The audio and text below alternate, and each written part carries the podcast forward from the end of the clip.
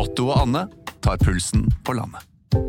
Ja, det gjør vi. Jeg heter Otto Jespersen, og hva var det du het igjen? Jeg heter Anne Grosvold, og hver uke har vi med oss en interessant gjest. Det har vi. Otto og Anne tar pulsen på landet, hører du der du hører podkast. En podkast fra Podplay. Ready? You have the cameras rolling? He was hosting boozy parties in Downing Street. Well, when the president does it, that means that it is not illegal. I have a dream. We will win this election and we will change the country together. Det er utrolig takknemlig for at eh, vi valgte Norge. Det er jo et fantastisk land. Velkommen. Mitt navn er Eirik Bergesen, og dette er vårt nokså uhøytidelige, veldig personlige forsøk på å gå bak ukas nyheter, lete etter sammenhenger, si noe om fremtiden, på jakt etter det store bildet slik vi ser det. Nå hørte dere ikke eh, Sofie Høgestøls eh, stemme. Hun har fått eh, lungebetennelse. Det ble så alvorlig at selv den meget geskjeftige Sofie måtte holde senga i dag. Men nå kommer dere straks til å høre en annen stemme, som ikke er Sofie. For jeg sitter ikke helt aleine her i studio. Masud Gharahkhani, velkommen hit. Veldig hyggelig å være med. Og veldig hyggelig at du tar deg tid i en hektisk politisk hverdag til å være her.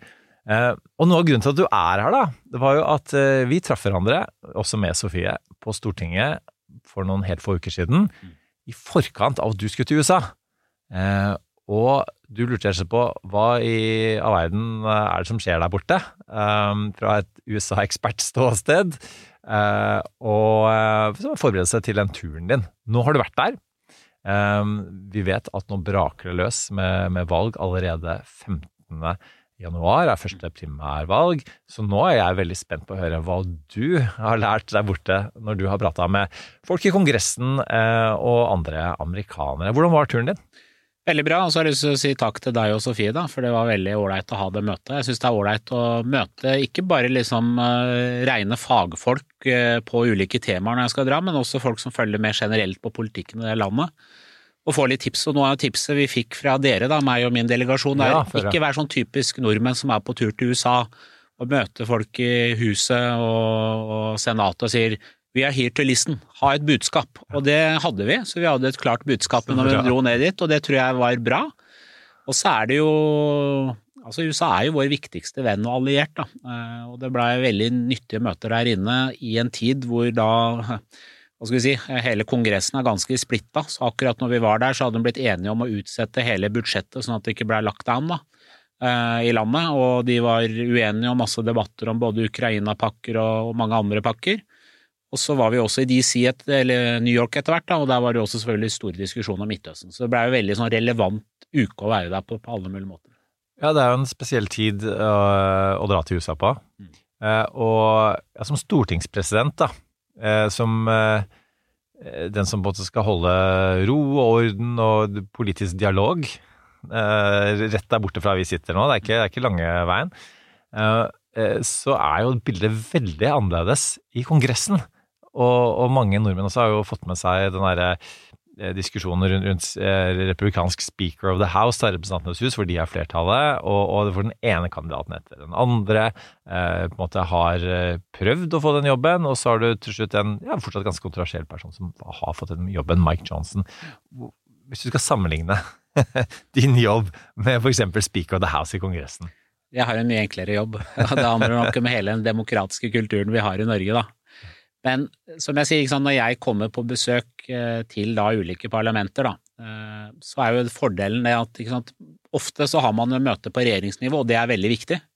Men så ser man jo de store, tøffe debattene hvor kanskje ting både blokkeres og stopper opp, så er jo det ofte i parlamentene. Så når jeg kommer dit, så pleier jeg også å ha med meg en sånn tverrpolitisk delegasjon for å vise liksom det beste med Norge. Da. At eh, ja da, vi kan være uenige om mange saker, men så står vi sammen om de store linjene. Så når vi kom dit, så kunne vi liksom snakke med felles norsk standpunkt rundt både viktigheten av Nato-medlemskap, eh, viktigheten av å stå sammen, vi som deler demokratiske verdier.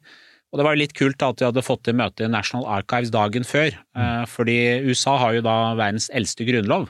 Og etter USA så kom jo den norske grunnloven. Eh, Så det er liksom de to eldste grunnlovene som faktisk er i bruk. Og det begynte jeg med, da, at våre founding fathers, eh, de henta inspirasjon fra deres grunnlov. Og uansett om du møter demokrater eller republikanere, så liker de å høre det om Grunnloven. Der er de i hvert fall enige sånn overordna hvor viktig Grunnloven er, og så kommer det mange uenigheter etter hvert. Men det var et sånt godt utgangspunkt da, for å snakke om at vi lever i en tid hvor demokratier går tilbake. Og det er ganske skremmende, fordi nå er vi faktisk tilbake igjen til før Berlinmurens fall når det gjelder demokratiets tilstand i verden. Og det første budskapet jeg hadde til ah, mine amerikanske kollegaer, det er at da er det jo viktig da, at vi som deler de demokratiske verdiene, står sammen. Spesielt i en tid hvor du ser disse autoritære kreftene, ikke sant, Kina, Russland, Iran, de finner sammen. Da må vi også finne hverandre og liksom være en kamp mot de regimene. Så det var viktig. Og så var det dette med Nato-medlemskap, da, som vi også diskuterte. Eh, Vi vet jo hvor viktig USA er i det eh, samarbeidet der. Og så var vi inne på Ukraina og situasjonen i Midtøsten. Ja, og alle de eh, konfliktene der er jo USA kanskje nøkkelen til. Mm. Eh, og for å løse det på en måte som vi og mange andre i det vestlige demokratiet ønsker seg, så, så må USA ta en aktiv rolle. Og så Jeg kom eh, akkurat nå fra TV 2, eh, syvsendingen i dag morges, for å snakke om, om det at eh, Biden ikke får gjennom en pakke i Kongressen eh, som også støtter Ukraina, og så vet vi at ukrainerne sier at det er de helt avhengig av, ellers så taper de den krigen mot uh, Russland. Um, hva, hva Jeg regner med at amerikanerne forstår uh, at de er den nøkkelen, Uh, og så er jo du da Ditt oppdrag vil jo være på en måte å dytte de mm. i riktig retning, få de til å forstå at at det som, som skjer i Ukraina nå vil avgjøre ikke minst europeisk demokrati, vår- vi som naboland i Russland. Hva, hva sier de når du sier det? Altså Det første jeg tok opp, det er jo at hvis ikke vi står sammen om å støtte Ukraina, så sier vi da til disse autoritære regimene at det dere gjør er helt greit. Mm. Altså Da kan jo det på sikt være flere land som kan være utsatt, og det vil jo true hele vår sikkerhet og, og Nato-alliansen. Eh, Og da nikker man. Eh, Og så er man jo veldig opptatt av at ja, men dere i Europa må også være med å bidra i det militære støtten til Ukraina. Eh, Og det er nok et bilde i amerikanske medier at Europa ikke bidrar like mye som oss. Det var nok sånn i begynnelsen. Vi vet hvor viktig USA har vært i det store bildet. Men nå er jo situasjonen slik at Europa bidrar jo eh, mer enn USA i kroner og ører. Og det er viktig å få frem. Og det, når du sier det, så er det å ja, det, det blir noen av de overraska. Og så utfordrer jeg dem litt mer, da, eh, på at eh, men hvis dere sier at eh, vi skal slutte å støtte, og dere i Europa kan fortsette å støtte, men ikke vi, så er det sånn at vi i Norge vi kan jo ikke sende NASAMS, altså luftvernsystem til Ukraina, eller F-16 hvis ikke USA er med på det samarbeidet. Og da ble de også litt sånn overraska, da, for det hadde man ikke helt tenkt på. Og så påpekte jeg at når jeg har lest meg litt opp på denne 100 milliarder dollar og mer-pakken til Biden, så er jo halvparten av det i hvert fall til å bygge opp egen militær kapasitet og industri. Eh, Og det interessante er jo spesielt i republikanske partiet, da, hvor det er eh, veldig mye uenighet om det, så kommer jo mange av de arbeidsplassene i hvilken stater? Jo, det er jo de statene hvor republikanerne st- styrer. Og det var litt sånn, eh, sånn her, Hvorfor er ikke det med i debatten? da? At det faktisk også handler om American jobs og American economy. Så det viser jo bare liksom hvor polarisert det hele bildet i USA dessverre er for tida, da. Ja, og, og der er det jo et, et spill nå, og det er ikke nødvendigvis at republikanerne vil til syvende og sist stoppe uh, denne hjelpen, men de vil annet knytte det til eh, grensen mot Mexico, uh, som, som jo for så vidt av gode grunner, for at det er en uoversiktlig situasjon, der veldig mange ulovlige innvandrere kommer inn, og det er ikke gitt at, at det vil være en dårlig idé for Biden å støtte det. Det kan være det, og en av de sakene han sliter med på, på målingene. Um, så hva, hva tror du, da? Tror du, de, Basert på de du prata med liksom bak kulissene også, uh, tror du amerikanerne klarer å i Kongressen å, å komme til enighet uh, nå før, uh, før nyttår? Så på det kommende 2024 da, eh, i, i verden og i Ukraina, at man får ha felles front i USA? Det var i hvert fall ikke noen gode nyheter det som kom denne uken, på at republikanerne sa nei. For først så holdt jo på en måte republikanerne i senatet annerledes standpunkt enn i huset. Men så blei det jo tydelig at det var såpass mye press at de kunne ikke liksom stå i den linja, da. Så det er jo som du sier, sant? det er veldig mye som er en del av den pakken, og så klarer man ikke å si at man kan vi ikke være enige om dette, og så kan vi være uenige om dette. Det, det er ikke helt sånn. Men når du sitter i de interne møtene, så merker jo du at de er like bekymra, de republikanerne, som, som oss på det som skjer, men man tør ikke å si det utad. Eh, Og det er rett og slett fordi du nærmer deg et presidentvalg. Eh, veldig polarisert, eh, og man vet at det kanskje kan være en stor belastning å mene det man da mener i interne møter, da offentlig. Og det er jo en stor utfordring da? For, eh, for hele Nato-samarbeidet, eh, og ikke minst også viktigheten av dette med støtten til Ukraina på lang sikt. Da. Så jeg skjønner jo at ukrainerne er bekymra for det som skjer. Jeg tenker jo at det er viktig da, at eh, når jeg er der med den delegasjonen, at vi viser at i Norge så, så evner vi, da, selv om vi er uenige om mye i norsk politikk, men noen ting står vi sammen om. Og prøve å pushe på det, at det er jo viktig at dere klarer å være enige om dette tverrpolitisk. da. Og, og hva, hva, når dere legger frem den norske modellen for parlamentarisk praksis, hva, hva sier de til det? Nei, De blir jo veldig overraska. Jeg, altså det spørsmålet jeg ofte får fra folk eh, når de kommer på besøk til Norge, enten det er konger eller eh, statsminister eller presidenter, det er jo at de har fått med seg at vi er på topp sant, på demokratiindeks og pressefrihet og ytringsfrihet. Eh, og så er de liksom litt opptatt av men ting funker jo. Altså dere får jo faktisk vedtatt ting. Mm. Og det er jo det bra eh, i Norge, selv om vi også har noen utfordrende tillitssaker, det skal vi være ærlige om, men så er det noe med at eh, Stortinget evner å komme fram til beslutninger. Og det er det store problemet i USA, at man ikke klarer å få vedtatt noe. Det går jo både utover politikerne, for da blir det jo på en måte den derre eh, eliten politikerstand som ikke klarer å bestemme noe, og så går det utover innbyggerne fordi man får ikke til noen beslutninger. Og, men dessverre så er jo den polariseringen vi ser, da, og hele den strukturen, da, ikke sant? Når du blir valgt inn i Senatet, så er det seks år, og kommer inn i huset, så er det to år. og, og eh, du merker jo også at det har vært litt sånn generasjonsskifte, i hvert fall i, i, i huset, da. Eh, men eh, Eh, det handler ikke kanskje nødvendigvis alltid om at du skal få gjennom konkrete saker, det handler litt mer om retorikk, da. Eh, nå er jeg veldig ærlig, sånn som jeg opplever amerikansk politikk akkurat nå, men det er jo en stor utfordring for hele demokratiet i USA, da. Ja, fordi altså, altså uparlamentarisk språkbruk i Stortinget, det er sånne ting som du klubber ned og sånt. Men, eh, men, eh, det har vært mye uparlamentarisk språkbruk i Kongressen i siste tiden? Ja, det har det. Og det, selv om vi kan ha valg på stortingspresidenter i Norge òg, så bruker man jo ikke så mange dager, da. Eh, og man kaster ikke folk i ny og ne heller. Så det er jo Det viser jo bare liksom hvor polarisert man er på alle mulige nivåer, da.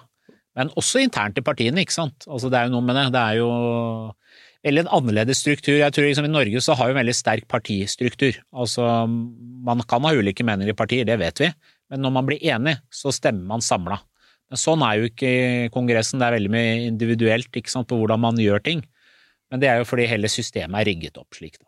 Ja, og vi hadde jo altså nå Mike McCarthy, som jo var eh, speaker of the house, som nå sier at han vil gå av eh, ved slutten av 2023. Eh, åpenbart veldig bitter. Eh, han eh, det ble, ble referert til en hendelse hvor han eh, mer eller mindre skal ha, ha fysisk angrepet en av sine kolleger. Jeg var der den dagen. Du var der? Ja, faktisk, vi var der når alt det det var, det var en dag hvor Bernie Sanders hadde avverga boksekamp i en sånn der høringssak. Sånn.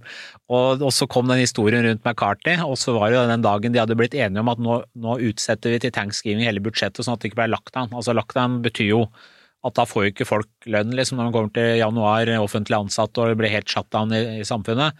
Eh, så det var en veldig sånn merkelig tid å komme på, og alt dette fikk vi oppleve i tillegg til å møte veldig mange forskjellige folk i gangene, da, for der var jo også statsministeren i Eh, var vel Estland, som også var på besøk og handlet også om Nato da, eh, og viktigheten av støtte fortsatt til Ukraina. Så det var, ja, det var virkelig en spennende dag å være i, Men, i Kongressen på, altså.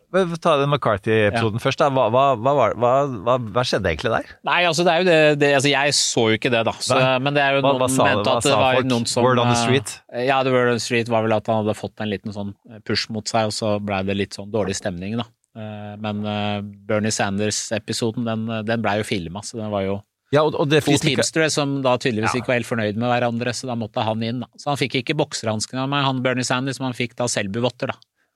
Av dere? Av oss, ja. Det var gaven fra Norge til, eh, til Bernie Sanders. Det er jo det ikoniske bildet med Bernie Sanders fra um, inauguration, altså innsettelsen eh, til Biden, er jo hvor han sitter med noen slags eh, votter. Helt riktig. Men nå har han fått en ekstra supplering da, ja, ja, til, neste, til, neste inauguration. Da, da smilte han, vet du. Og han er en artig fyr, da, fordi han er jo veldig glad i Norge og har fulgt mye med på, på liksom utvikling av norske modellen. da.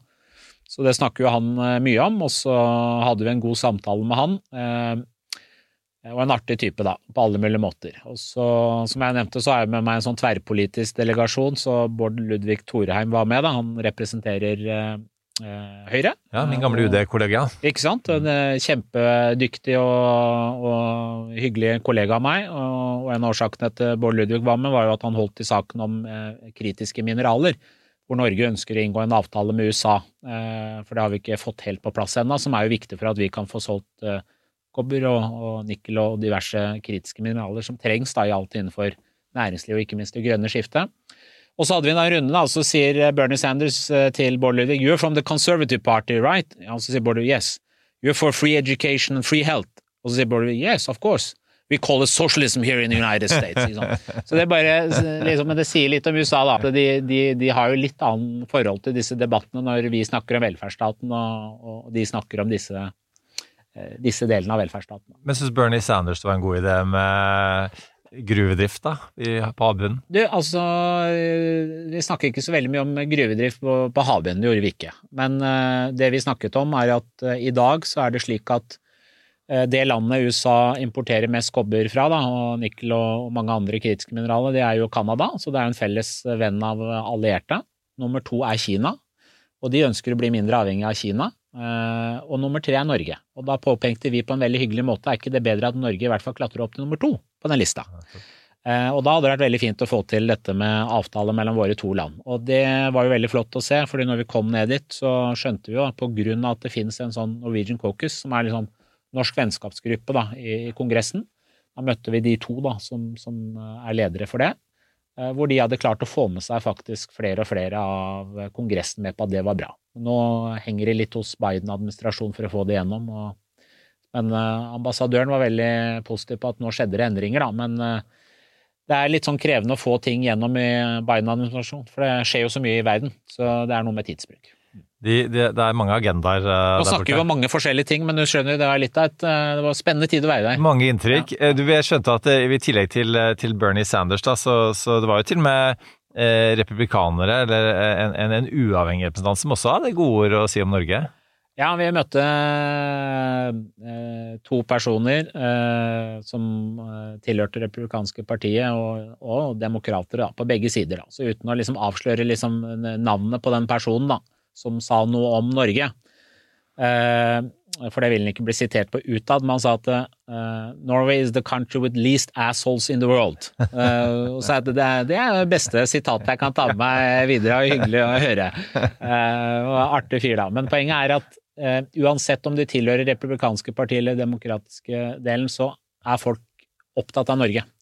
Og det er noe med Nato-samarbeidet, ikke sant. Og mange av de sitter jo i, i si, eh, hemmelige møter og får oppdatering også på hvor viktig nordområdene er, og at Norge er eh, Natos øyre og ører i nord. Eh, og alt det vi bidrar med, som man er veldig opptatt av, og ikke minst også det forsvarssamarbeidet vi har. Vi var jo også innom Lockheed Martin og fikk prøve den nye F-35-simulatoren. Så det er jo også et samarbeid. Og, så det, dette kjenner man jo til da, på begge sider av politiske skillelinjene i USA. Men eh, altså hvis vi skal um, rykke litt frem, da Jeg ødelegger veldig mye for her, systematikken din nå. for vi prater om alt Nei, altså det, For de som hører på podkasten her, så vet jeg at det, det, altfor systematisk er det ikke. og uh, for de som har fulgt deg i media, så veit at, liksom, at det er fort gjort at det blir uh, pratsomt. Ja, ja, ja. så det, det var fint. Men hvis vi spoler litt fram da i valgkampen, uh, og på en måte den derre Altså hvis, hvis, Trump blir valgt, vi vet jo at du nevnte retorikk, det er en del retorikk, og så er det så hva som faktisk vil skje. Det, det, det gjenstår for så å se. Eh, og, og, det er jo noe av Trumps metode er jo den uforutsigbarheten, som jo rimer veldig dårlig med, med Norge, som er opptatt av på en måte eh, forutsigbarhet eh, som et lite land og, og sånt. Klare retningslinjer i internasjonal politikk. Men, men det, liksom, det, som folk er aller mest redd for, er jo på at USA skal trekke seg ut av Nato. Mm. Um, fikk du et sånn altså, Fikk du et inntrykk av på en måte er, er, det ren retorikk, eller er det noe Bør vi være litt bekymra? Altså, jeg møter, liksom opplevde når du liksom møter folk da, som ikke driver med politikk i dag, men som tilhører uh, ulike tankesmier, da, la oss si det sånn. Uh, men det er jo sånn at alle de kommer jo fra noen politiske partier. Det er veldig sånn USA er bygget opp, da. Så er det nok litt sånn forskjellige historier, på, avhengig av om de har bakgrunn fra republikanske partier eller fra demokratiske sida, da. Eh, Men jeg tror ikke at inntrykket er at liksom man må melde seg ut av Nato. Men det mange er bekymra for, er jo at man kanskje gjør eh, grep eller kommer med noen signaler som gjør at eh, det kan eh, få, føre til at det blir eh, store uenigheter i Nato-samarbeidet. Og det er folk bekymra for reelt, da. Men inntrykket mitt, i hvert fall når du snakker med de republikanske partiene nå, i de interne møtene, er at folk er opptatt av liksom, at USA skal være den ledende rollen i Nato som man er, da. Mm. Eh, Men selvfølgelig, eh, når du ikke klarer å ha klart standpunkt rundt Ukraina, så vet du jo at det kommer til å føre til en del debatter. Altså, de baltiske landene er jo dypt bekymra, ikke sant. Altså, i Norge så er det jo slik at eh, vi som nordmenn og, hele systemet, vi går jo ikke rundt og er bekymra for at Russland skal angripe oss. For vi har jo en helt annen historie med Russland. Mm.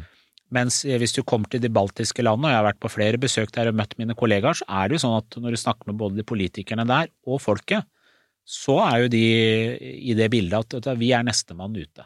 Ja, for du nevnte din eh, estiske kollega som gikk Ja. i gangen der samtidig med deg. Var ja. eh, han eller, eller hun, Hun, ja. hun Ja. ehm, litt mer nervøs enn deg da hun gikk rundt i de korridorene og pratet med folk? Så fikk jo ikke vi liksom veldig sånn stor samtale, for vi var bare, vi møtte hverandre i den eh, tunnelen. Men jeg tipper at årsaken til at eh, hun besøkte USA nå, er jo nettopp den bekymringa. Fordi eh, for dem så betyr jo det veldig mye, da. At USA fortsatt gir støtte til Ukraina. Fordi eh, det handler jo ikke bare om at eh, vi gir militærstøtte. Nato er også til stede f.eks. i Litauen, eh, hvor Norge eh, har jeg tror det er rundt 300 eh, styrker vi har faktisk til stede der. Så det er jo på mange måter man har stilt opp da, i det området, sånn at man skal både gi signal til Russland, men også tryggheten de trenger. Men eh, da, eh, i og med at vi er inne på, på Ukraina, det er litt sånn det funker dette programmet, skjønner du? Det Vi, bare, vi tar det siste Ja. som er sagt, og så bygger vi videre på Ja, det. um, eh, eh, Ukraina, eh, Sofie, var eh, møtende stortingsrepresentant da Zelenskyj snakket til Stortinget eh, første gangen, eh, og, jeg var der eh, på en av TV 2 eh, og dekket det. Eh, det var jo en eh, Det er jo eh, en del formelle og pompøse ting som skjer på Stortinget. Mm, Sjeldent eh, formelt eh, det. Det var jo eh, noe som gjorde inntrykk på dere, eh, og på, på oss som, som dekket det.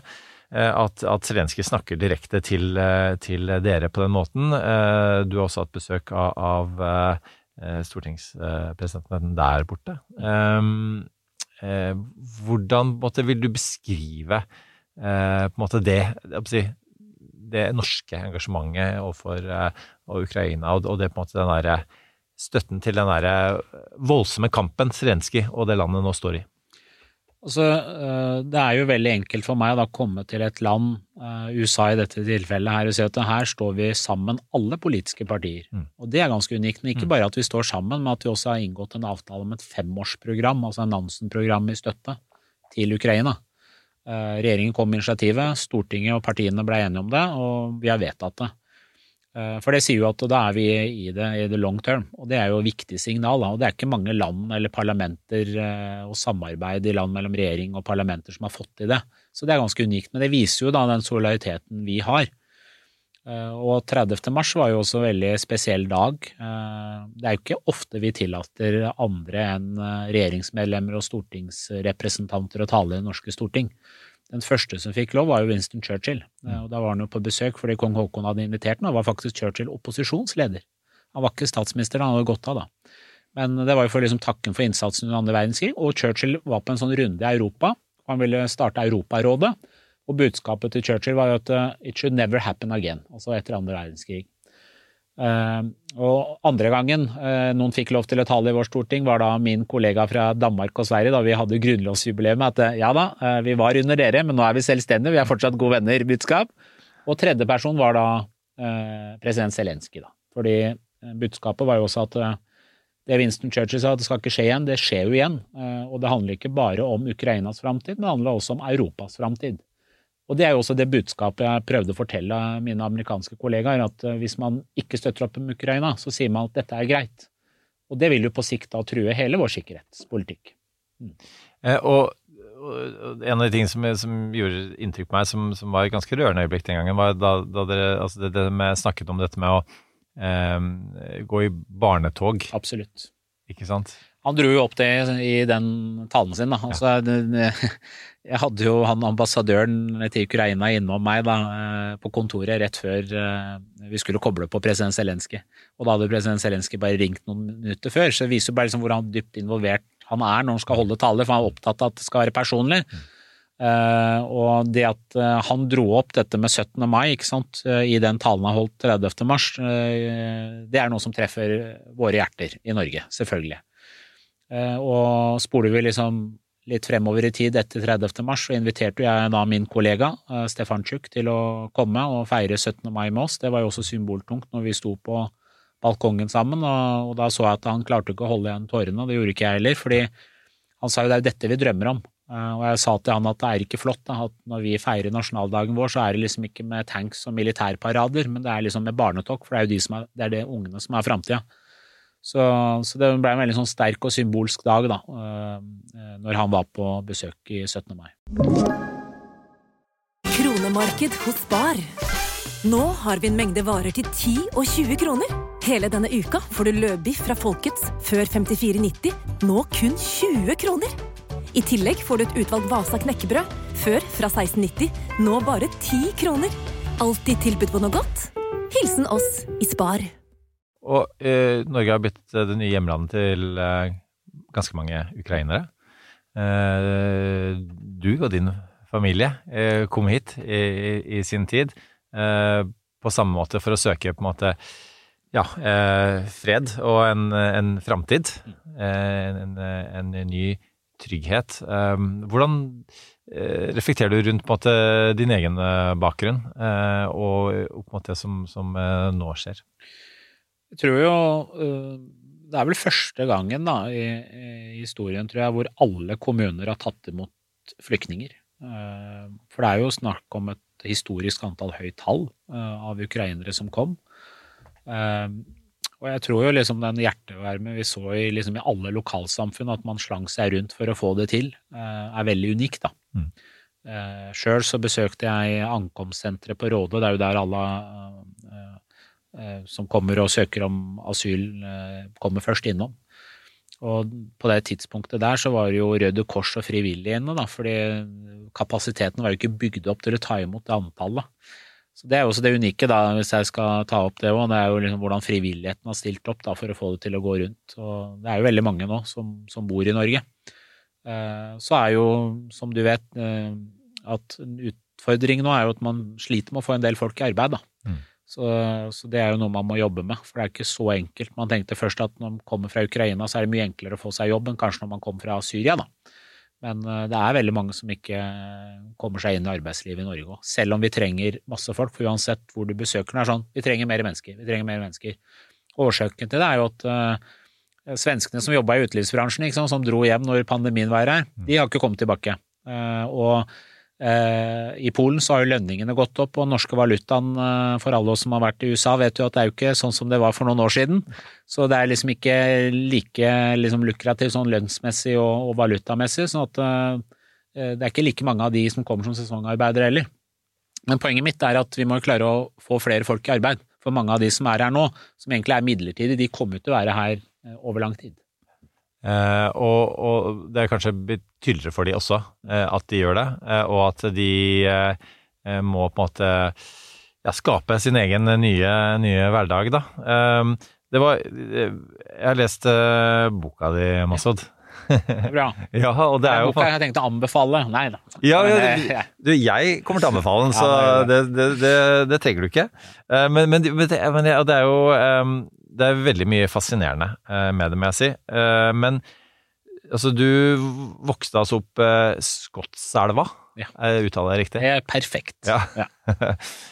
Skriver Skotselv, men det skal sies Skotselva. Okay.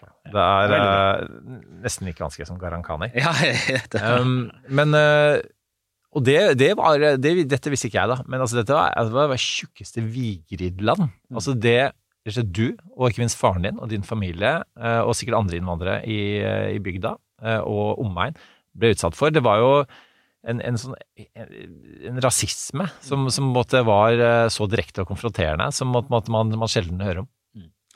Så sagt det først, Jeg opplevde aldri rasisme i oppveksten da jeg vokste opp i Skotselva. For jeg blei jo fort Hamas-ut fra Kopperud, og Kopperudsvingen, som var liksom nabolaget vi bodde. Aldri Hamas-ut fra Iran eller Teheran. ikke sant? Og jeg tilbrukte jo tida i Misjonskjerka, selv om jeg er muslim, for det var liksom naturlig møteplassen. og var med på alle gudstjenester og liksom det, og spilte fotball og blei kalt for lille Maradona. Men det var mest på grunn av formen og ikke ferdighetene, da. Men lever litt på den. Men poenget mitt er at lokalsamfunnet var flott. eh, Men første gang jeg opplevde da rasisme, da, og fra dette høyreekstremmiljøet, var jo etter at jeg blei med i politikken. Eh, Og fattern, da, som er en sånn person hvor du liksom går en liten tur i butikken med pappa, er ikke noe som heter en liten tur. Han snakker med alle. Eh, og han blei spurt om ville stå på kommunestyrelista, og så sa han ja. Og så sa han, så han ikke sett meg så høyt opp, og, sånn, og så blei han satt nesten helt nederst, men så kom han rett inn, da, for han får jo stemme fra alle. Eh, og så blei det jo mye om han i media, og jeg blei med i AUF etter hvert. Eh, og så eh, kom jeg da eh, en, hjem en dag, da. Eh, og så ser jeg at det er masse politibiler eh, i, på Kopperud, hvor vi bodde, og jeg lurer på hva i all verden har skjedd. Og kommer til døra der, der vi bodde, og så ser jeg at mamma gråter. Og så skjønner jeg at det har kommet sånn drapstrusler mot både pappa og, og, og meg da, i posten. Og da begynner pappa å fortelle om at når han hadde kjørt hjem fra jobb seint på en kveld, så hadde en bil prøvd å kjøre front mot front mot den og hadde blitt spytta på i den lokale banken, og det var da fra Vigre-miljøet, da. Eh, eh, og det var ganske spesielt. Eh, men igjen, da, den bygda mi, eh, selv om vi hadde de miljøene, så var jo noe, med, noe av det flotte at folk sto sammen, da. Det store, store, store flertallet. Eh, Og de første som var på døra, var da ordføreren og rådmannen. Han ordføreren tilhørte et helt annet parti enn meg. Eh, Her står vi sammen med dere. Og så var det en som kom på døra litt utover kvelden etter at han hadde eh, gått av på jobb. Han var politimann og kjente godt pappa. Fordi pappa jobba i ungdomsklubben i kommunen, og han jobba med forebygging.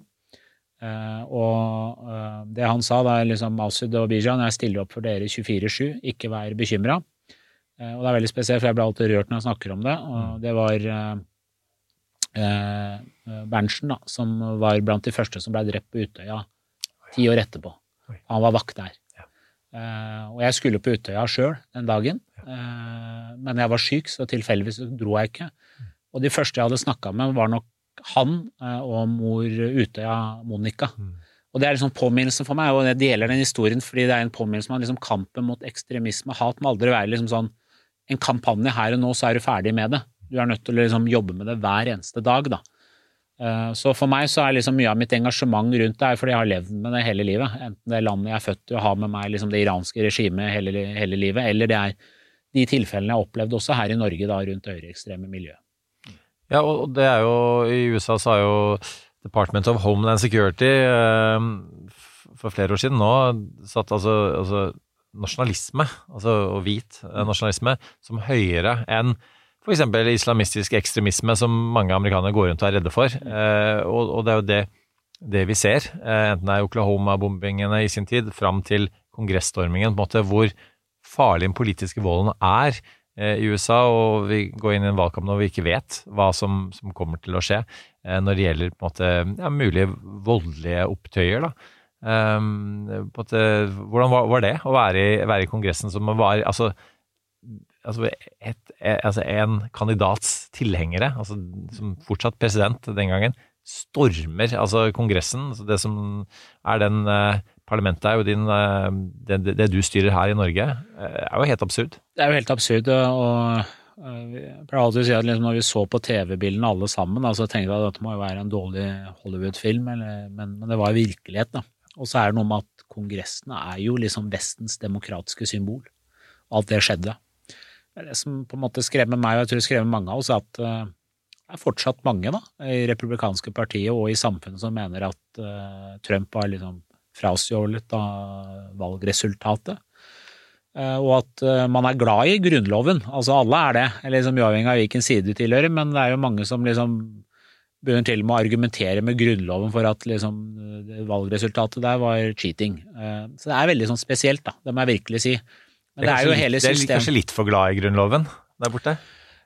Altså jeg tror i hvert fall så bør man jo lese Grunnloven og, og også lese litt historien da, på hvordan dette med checks and balances og popular sovereignty og freedom of speech og Og hvis man klarer å forholde seg til de faktisk gode verdiene som ligger i den amerikanske grunnloven, som også er mye mange av de samme verdiene som vi har i grunnloven vår, så hadde det vært bra tilstand. Men eh, det er jo noe med at det er veldig polarisert i USA, da. Ikke sant? Og du merker jo det også at det er veldig forskjell fra stater til stater.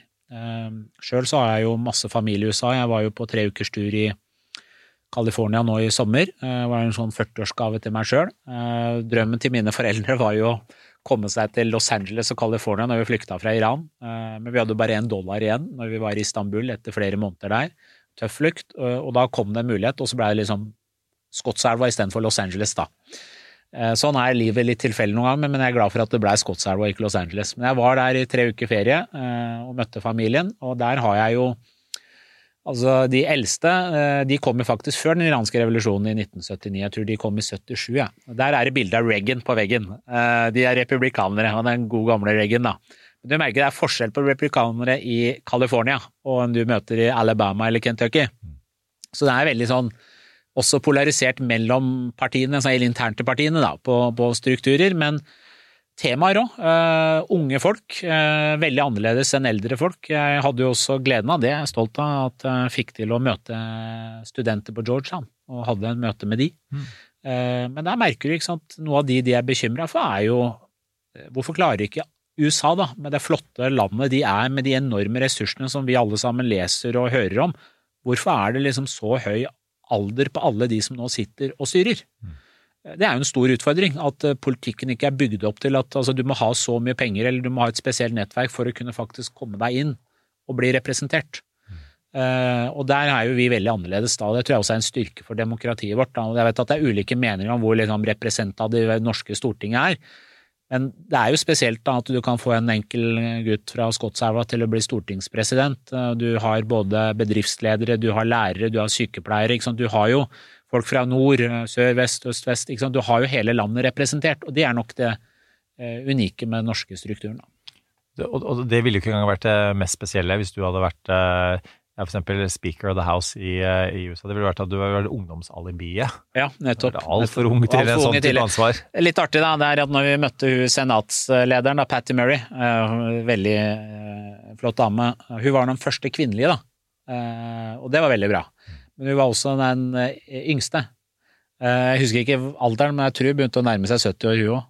Så, så det liksom sier litt da, eh, om hele strukturen. Og det er ikke noe gærent å være 70 år, det er bra at det er også 70-åringer i parlamentet, men jeg tror alle som følger med på amerikansk politikk og ser annet de to mest aktuelle presidentkandidatene, lurer litt på hvorfor man ikke klarer å få litt mer mangfold i det systemet. Ja, for en av disse eh, gamle lovene fra den gang eh, gikk jo på at du, altså, du må være 35 år bare for å være presidentkandidat, mens det er ikke noe øvre alder, og kanskje man burde gjort det annerledes. Så grunnlovsfedrene den gangen tenkte de var jo redde for at, eh, um, at en, en sønnen til presidenten bare skulle overta, og dette var en måte også å sikre det på, da.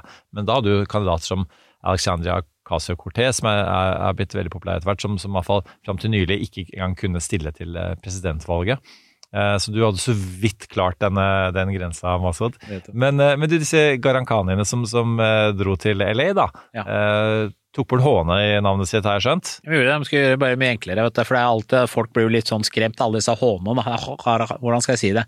Så de droppa alle Håne, så er det liksom rett ut Gharahkhani. Men, men du unner ikke norske media å Nei, vi må altså nå sta- har, de, nå har dere endelig lært dette, så da tenker jeg nå skal jeg i hvert fall ikke bytte. Men jeg tror at Vårt Land, jeg, som hadde to, eller om det var tre ulike måter å stave, stave etternavnet på i samme sak en gang. Så det er ganske Men jeg skjønner det, da. Jeg skjønner det. Ja. Men, men, men, men de, de, de som eh, havna der, de, ikke bare har de Reagan eh, på, på veggen, noen av dem, men, men det er jo til og med Du har jo eh, diskutert politikk med, med, med slektninger som rett og slett er trumpister.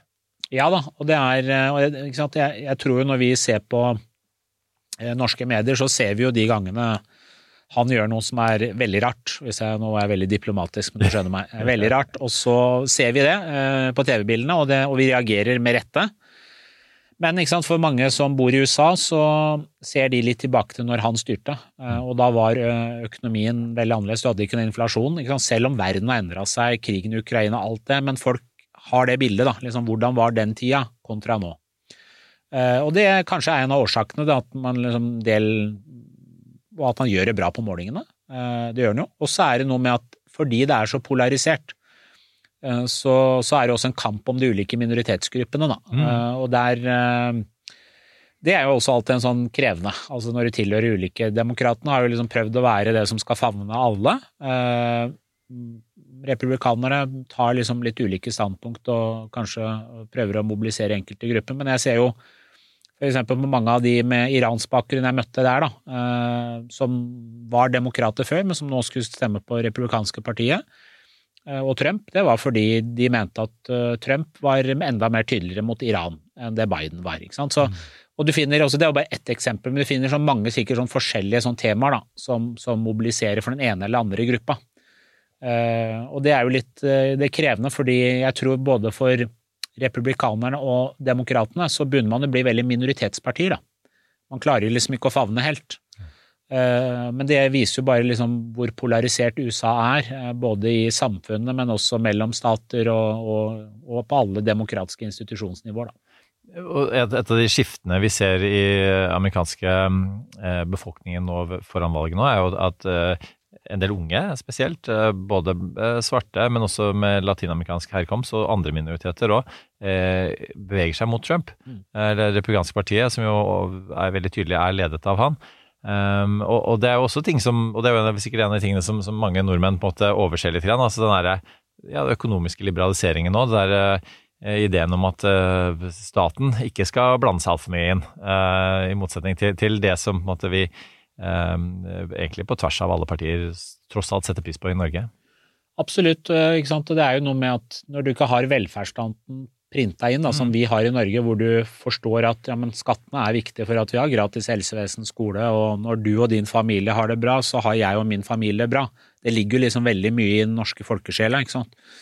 Eh, eh, Noen kaller det for sosialdemokrati, da. Så skal vi ikke, nå er jeg stortingspresident for alle, men eh, si det på den måten her. Men du har jo ikke den samme strukturen i USA på dette.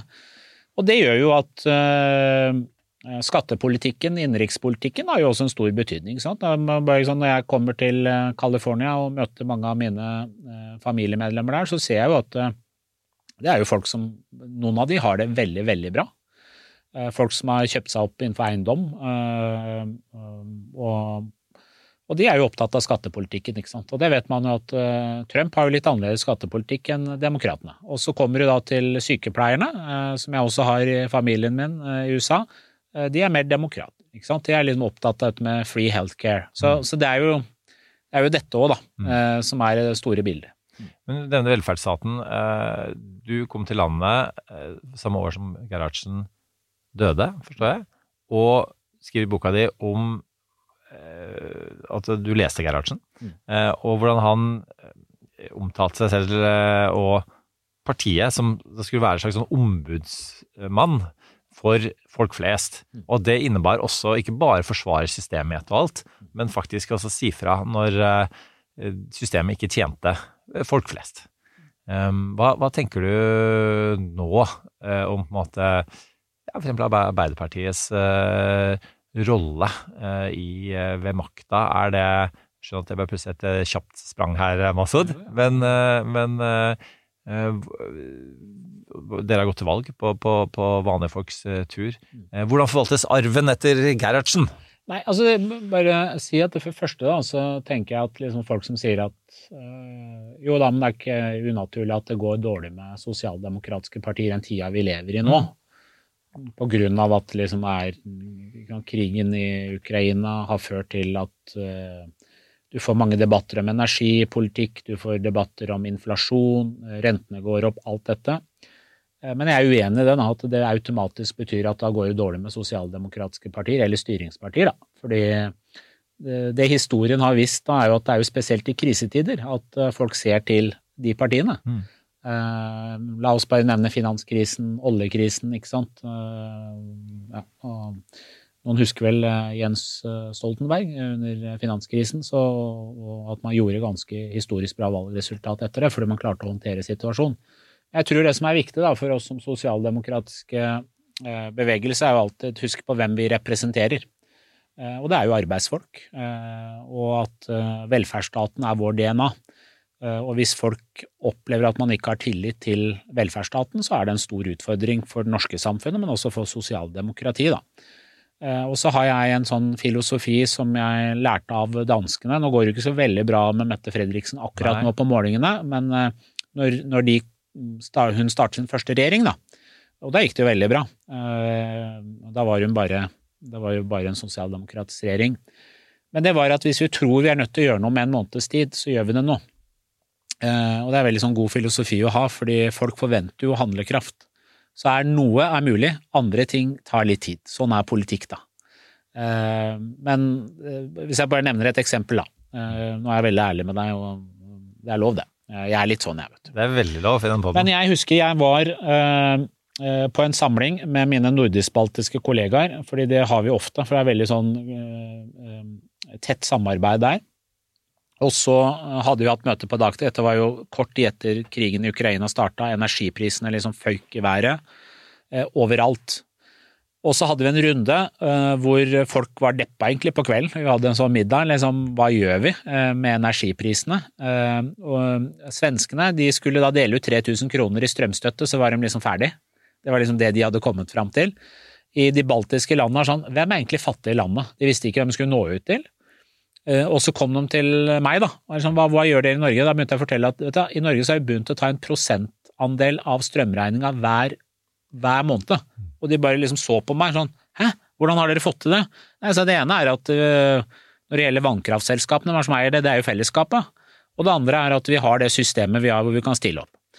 Eh, Så blei jo det gjort mange endringer av det, men jeg tror hvis du spør det norske folk da, hvordan man opplevde vår strømpolitikk, så er ikke kanskje det inntrykket man sitter inne med. Så, så det er liksom noe med Når man ser problemene oppstår, så er det viktig å igangsette raskt. Det er det poenget mitt. Men eh, altså eh, du, du blir, blir omtalt Det skrytes mye av deg. Mm. Uh, Prata med noen folk uh, i partiet ditt. Og så blir du også omtalt som en ikke-politiker. Mm. Um, og, og det kan for så vidt være både bra og dårlig, det. Um, hva, hvordan oppfatter du en sånn karakteristikk? Eh, Jeg er jo politiker, eh, det er derfor jeg er på Stortinget. Og så pleier jeg alltid å si da, hvis du ikke har en mening, hva gjør du på Stortinget da? Så jeg er opptatt av en mening da, og jeg tror jo i hvert fall folk har opplevd at jeg er sånn. Eh, Og så har jeg med meg en personlig engasjement, det er jo det som gjør at jeg er med i politikken. Eh, Du nevnte jo Einar Gerhardsen og, og boka.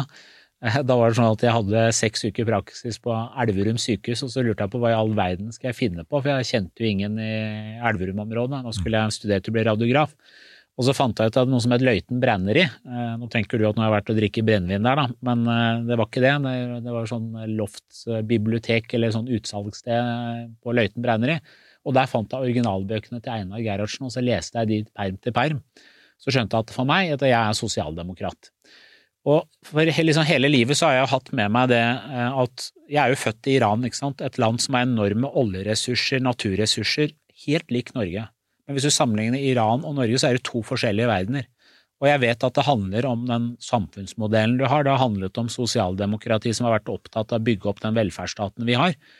Og derfor er jeg med i politikken. Eh, og derfor så har jeg en mening. Eh, og når det gjelder de over, på en måte, de overordna politikken, da, det er rundt menneskerettigheter og demokrati og frihet, så sier jeg at hvis en stortingspresident i Norge ikke skal stå opp for de verdiene, så kan vi jo pakke sammen. Mm. Ikke sant? Så, så jeg mener jo ja, jeg mener at det er viktig å ha klare meninger om ting. Da. Det, det trengs. Men er det, er det kanskje det man er inne på, kanskje at, at, du på en måte tar liksom mer sånn eh, allment ansvar for politikkens vesen, så kanskje, og som kanskje er en del av jobben som stortingspresident? Ja, det er det jo. ikke sant? Altså, det er jo også min rolle da, å sørge for å ivareta Stortinget som institusjon, som er liksom demokratiets hjerte. mm. Og sørge for at vi har tillit, og at Stortinget funker, og at Stortinget skal ha fokus på det Stortinget skal ha. Det er nettopp å løse hverdagsutfordringer for folk. Eh, eh, og etter USA-besøk så tror jeg vi skal være glad for at eh, i det norske Stortinget så, så er det jo slik, da, selv om vi også har hatt krevende saker, så behandler vi jo hver eneste dag saker. Og, ikke sant? Eh, mens i USA så er det jo mye fokus på andre ting enn selve politiske saken. Eh, Vi hadde en episode av Norske tilstander på TV 2 i går som handlet om akkurat dette her med tillit. Eh, Fordi eh, tillit er jo på en måte den eh, fremste, kanskje, ja, som du sier, eh, demokratiske valutaen vi har. Eh, samtidig så, så ser vi også nå på Medborgerpanelet, som jo ble lagt fram denne uka her, som man har holdt på med i ti år, at eh, på de ti årene så har det, har det gått noe ned. Riktignok fra et veldig høyt nivå, fortsatt et høyt nivå, men, men eh, tillit til eh, politikere, til regjering, eh, har, har, har gått ned. eh, mens, mens tilliten blant oss, det er jo en fin ting, har holdt seg. Og og det er klart at det, det har jo vært eh, mye habilitetsskandaler på begge sider i politikken som man eh, driver og rydder opp i fortsatt, bort på Stortinget. Eh, Men hva, hva, hvordan skal man på eh, og nå er det ikke lenger Arbeiderpartiet som skal gjenreises, men hvordan kan man gjenreise den tilliten som, som nok har begynt å skrante litt, grann, unngå at det på en måte blir et vedvarende fall i Norge?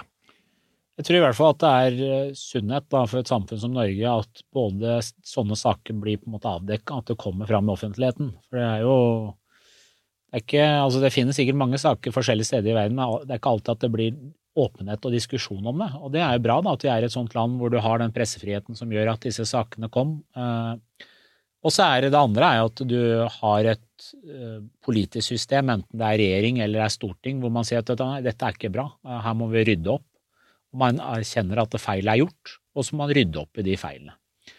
Eh, For jeg tror det aller viktigste jeg har lyst til å si i det, er jo at eh, du må jo sørge for at folk forstår at du tar tak i det, du rydder opp, eh, for å sørge for at det er ro om disse sakene. Det skal jo ikke være fokus på oss som politikere, enten det er ordninger eller habilitet. Sånne ting må jo være klart og ryddig. Sånn at fokus kan være faktisk på å løse hverdagsutfordringer for folk. For det er jo det folk er opptatt av. Jeg tror det som irriterer folk mest, det er hvis vi diskuterer habilitetssaker samtidig som de sliter med å betale strømregninga si. De går i butikken, og når jeg liksom er og handler i nærbutikken min, så er jo diskusjonen med naboene mine at fy fader, altså nå er det liksom to poser, så er det på 1500 kroner. Det er blitt dyrt. Eh, renten har gått opp. Hvordan skal jeg klare å håndtere den lånen? Det er, de- det er disse tingene vi må adressere. Eh, og derfor så må det også ha ro rundt de andre sakene. Um, hvis vi gjør nok et eh, stort sprang fra hverdagspolitikken eh, til eh, Nobelprisen, som om kort tid deles ut. I år går den til iranske Norges Mohammedi. Også med din iranske herkomst, hvilken rolle tror du en sånn pris vil ha for Irans politiske framtid? Altså Jeg håper i hvert fall at den, eh, altså den prisen ikke sant? Det ene er jo til en modig løvinne som Nerges de er. da. Eh, I går så var jeg på en liten sånn middag hvor jeg møtte mannen til Nergis, da. Eh, For han og de to barna som nå tar imot fredsprisen på vegne av Nergis, de bor jo i eksil i, i Frankrike. Og jeg snakka med han også på telefon for to dager siden, da, og, og så sier han til meg, Masud, det, det er litt sånn jeg deler bare for sånn, det, kan ikke knytte slips, jeg Masud, til meg. Så, fordi jeg Han har jo hatt 5000 dager i fengsel han, i livet sitt. Så både han eh, og Nergis har jo vært inn og ut av fengsel hele livet. Eh, Så det er ikke sånn at den prisen er jo til folk som har stått på i kampen for en liten, bare en liten del av den friheten vi er så heldige å ha i vårt land, Norge. Men også når eh, Nobelinstituttet, da, og jeg, liksom, jeg pleier alltid å si det, liksom, for det er viktig å nevne det, eh, de er jo selvstendige og vurderer hvem som skal få fredsprisen. Ja. Men når eh, Nobelinstituttet la frem, så var det ikke bare en pris til eh, Narges Mohammadi, men det er også en pris til alle de menneskene som tilhører den bevegelsen Kvinner, liv, frihet. Og jeg håper jo at denne uken her, som vil jo gi en sånn internasjonal plattform igjen for å diskutere situasjonen i Iran, vil gi på en måte motivasjon til folk som Nerges Mohammadi og alle de unge menneskene som er klar til å gjøre en forandring i Iran. Fordi jeg er ganske klar på det, at eh, jeg har fått mange ganger spørsmål tror du dette vil gjøre at regimet forandrer seg. Du klarer ikke å forandre et regime som er bygd på ondskap og diktatur, det gjør du ikke. Men det den prisen jeg kan bidra til, er jo å motivere de unge menneskene at verden ser dere. Og det er ganske viktig. Altså det er ingen revolusjon som er blitt endra uten at det internasjonale samfunnet ser deg. Det vet vi. Apartheidsystemet i Sør-Afrika er et eksempel på hvor viktig det internasjonale miljøet også var for at du fikk endret det. Så jeg håper jo at det er det eh, det bidrar til, at man kan gi stemme til de unge menneskene. og eh, Nå snakker jeg mye her, da, men bare avslutte at 60 av Irans befolkning er under 30 år. Unge mennesker, og de har høy utdanning. Høy utdanning både kvinner og menn. Eh, og de har veldig sånn vestlig preg i tanken på hva de vil for landet sitt, så det mangler ikke på folk som faktisk vil dele de samme verdiene som oss. Vi får nesten avslutte med kanskje den da det politiske spørsmålet som, som har aller mest oppmerksomhet i, i disse dager, og eh, dessverre ikke alltid har hatt det, eh, nemlig krigen i Gaza. Du møtte FNs generalsekretær, snakket annet om det. Eh, han har vært veldig tydelig eh, på hva han mener eh, partene bør gjøre, og så har vi jo også dessverre via den konflikten sett også begrensningene eh, nok en gang eh, til FN. Hva, hva, hvilket inntrykk eh, ga den samtalen deg? Altså når vi kom dit, så kunne du se at den både var en veldig sånn preget FNs generalsekretær, og kanskje også litt sånn sliten, da. Eh, Og helt sikkert frustrert, eller vet vi at eh, han er, fordi verdenssamfunnet ikke evner å finne sammen og gjøre noe. Og et av de budskapene jeg delte både i Kongressen og med han, var jo det sant, at i Norge så var jo vi tidlig ute og, og fordømte eh, Hamas, som er en terrororganisasjon. Eh, og at Israel har rett til å forsvare seg. Eh, gislene må løslates. Men det å gjøre Gaza til et gravplass for barn er liksom ikke veien ut av den konflikten. Det har jo han vært tydelig på, og det har også Norge vært tydelig på. Eh, men for å si det sånn, jeg tror når jeg kom dit, så tror jeg det var litt deilig for han å endelig ha et møte med et land hvor han delte de samme synene, og visste at Norge hadde vært en viktig stemme for han også, altså en støttespiller. Eh, Så var det jo slik da at eh, heldigvis så begynte det å bli noen bevegelser, ikke sant, Eh, det har det jo vært. Det er ingen tvil om at USA har veldig mye å si overfor Israel, det vet jo alle sammen.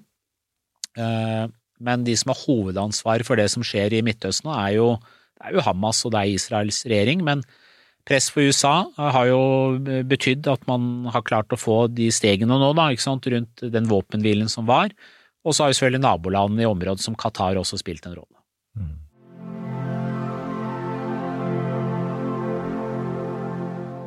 Vi, eh, vi skal avrunde med det vi kaller sånn uh, ukas anbefalinger, eller vi kaller det ukas av- og ko- påkobling. Nå går vi inn i en juletid. Eh, Du har reist, og du har stått på i det siste. Eh, Jeg veit at du eh, Det har jeg fra boka di. Du er en racer på ribbe. Det er kanskje ikke alle som forventer eh, som, som muslim. Svor er din eh, Er det lov å si en spesialitet? Absolutt. Jeg er råtass på ribbe, vet du.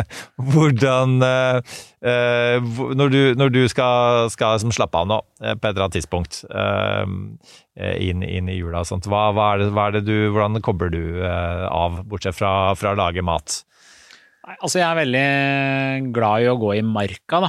Eh, Så det gleder jeg meg til, og nå har det vært veldig mye, og det blir veldig mye nå før, før jul, men det er liksom få litt tid til å gå i marka. Og så er vel det viktigste med jula, jeg er veldig sånn glad i jula, da. Jeg har vært sånn helt fra vi kom til Norge og oppveksten i Skotselv, og så er liksom jula, jeg synes det er en sånn magisk tid, da. Men det er jo å få tid til å være sammen med familien, da. Eh, Sønnen min og kona og, eh, og resten av familien, og bare slappe av og gjøre hyggelige ting sammen og spise god mat. Og så se på litt serier og kanskje lese en bok. Ja, hva, hvilke, hvilke serier og bøker er det du eh, ser fram til å flytte tankene dine over på? Ja, og så boka da, så, Nå høres jeg sikkert kjempenerdete ut, da, men jeg fikk en bok fra, Det er også en bra ting i dette programmet, Ja, jeg vet det. Jeg fikk en bok fra Harald Stanghelle når jeg var på en sånn uh, møte om forsvarspolitikk i Kongsberg, og det er eh, eh, biografien til kongen, så den fikk jeg. Det er noen sider, jeg har ikke begynt på den, så jeg tenkte jeg skulle begynne på den i, i jula. Og serien, da, så altså, jeg er jo veldig sånn stor eh, Sopranos-fan, da. Så det er jo sånn serie jeg alltid, når jeg har litt sånn ekstra tid, syns jeg er artig å se på eh, noen episoder. Men jeg har ikke begynt på Makta ennå.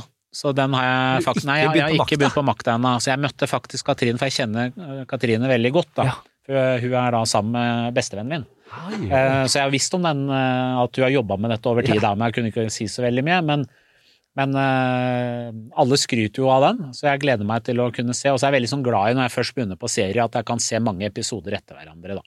Så litt sånn litt ut i romjula, da skal jeg få tid til å se litt på Makta. Du veit jo hvordan det ender, eh, i og med at eh, det er jo eh, Arbeiderpartiets historie, men, men Er det du som skal spille meg da en gang i Litt sånn, de har jo litt sånn Nei, da jo, men, jo, men altså er, Men er ikke det Nå, nå er det jo eh, en ikke-sunnmøring, skal vi si det sånn, som Ja. spiller Einar Førde. Ja. Så, så makta sesong er vi på noen og 50. Ja. Hvem, hvem, hvem spiller deg? Hvis du legger på deg litt, da, så kan du spille, på, spille meg. Ja, jeg må, jeg må, legge, jeg må legge på litt uh, dialekt òg, da. Ja, det må du altså. Får ta en studietur til Skotselv, så ordner det seg. Ja. Uh, du, eh, gled deg til makta, da. Eller, eller gru deg litt òg, kanskje. Og så er det er jo ikke, det er ikke så turbulent i Arbeiderpartiet nå som det var den gangen. Det, det kokte ordentlig da. Det er litt sånn politikk er, ja. Det skal være litt sånn, da, skal det ikke Det det? er litt, uh, skal være litt action. Ja. Være litt action. Eh, eh, tusen takk, Masud, for at eh, du var med oss eh, og delte eh, fra, fra dine erfaringer i USA og, og, og tilbake tid i, i Norge. Og du er en folkelig fyr. Jeg vet du har, det er masse folk som følger deg på sosiale medier. Mm. Så, så stå på videre. Tusen takk. Og så til dere som har hørt på, ha en flott helg og en fortreffelig neste uke. Så lyttes vi. Du har hørt en podkast fra Podplay. En enklere måte å høre podkast på. Last ned appen Podplay, eller se podplay.no.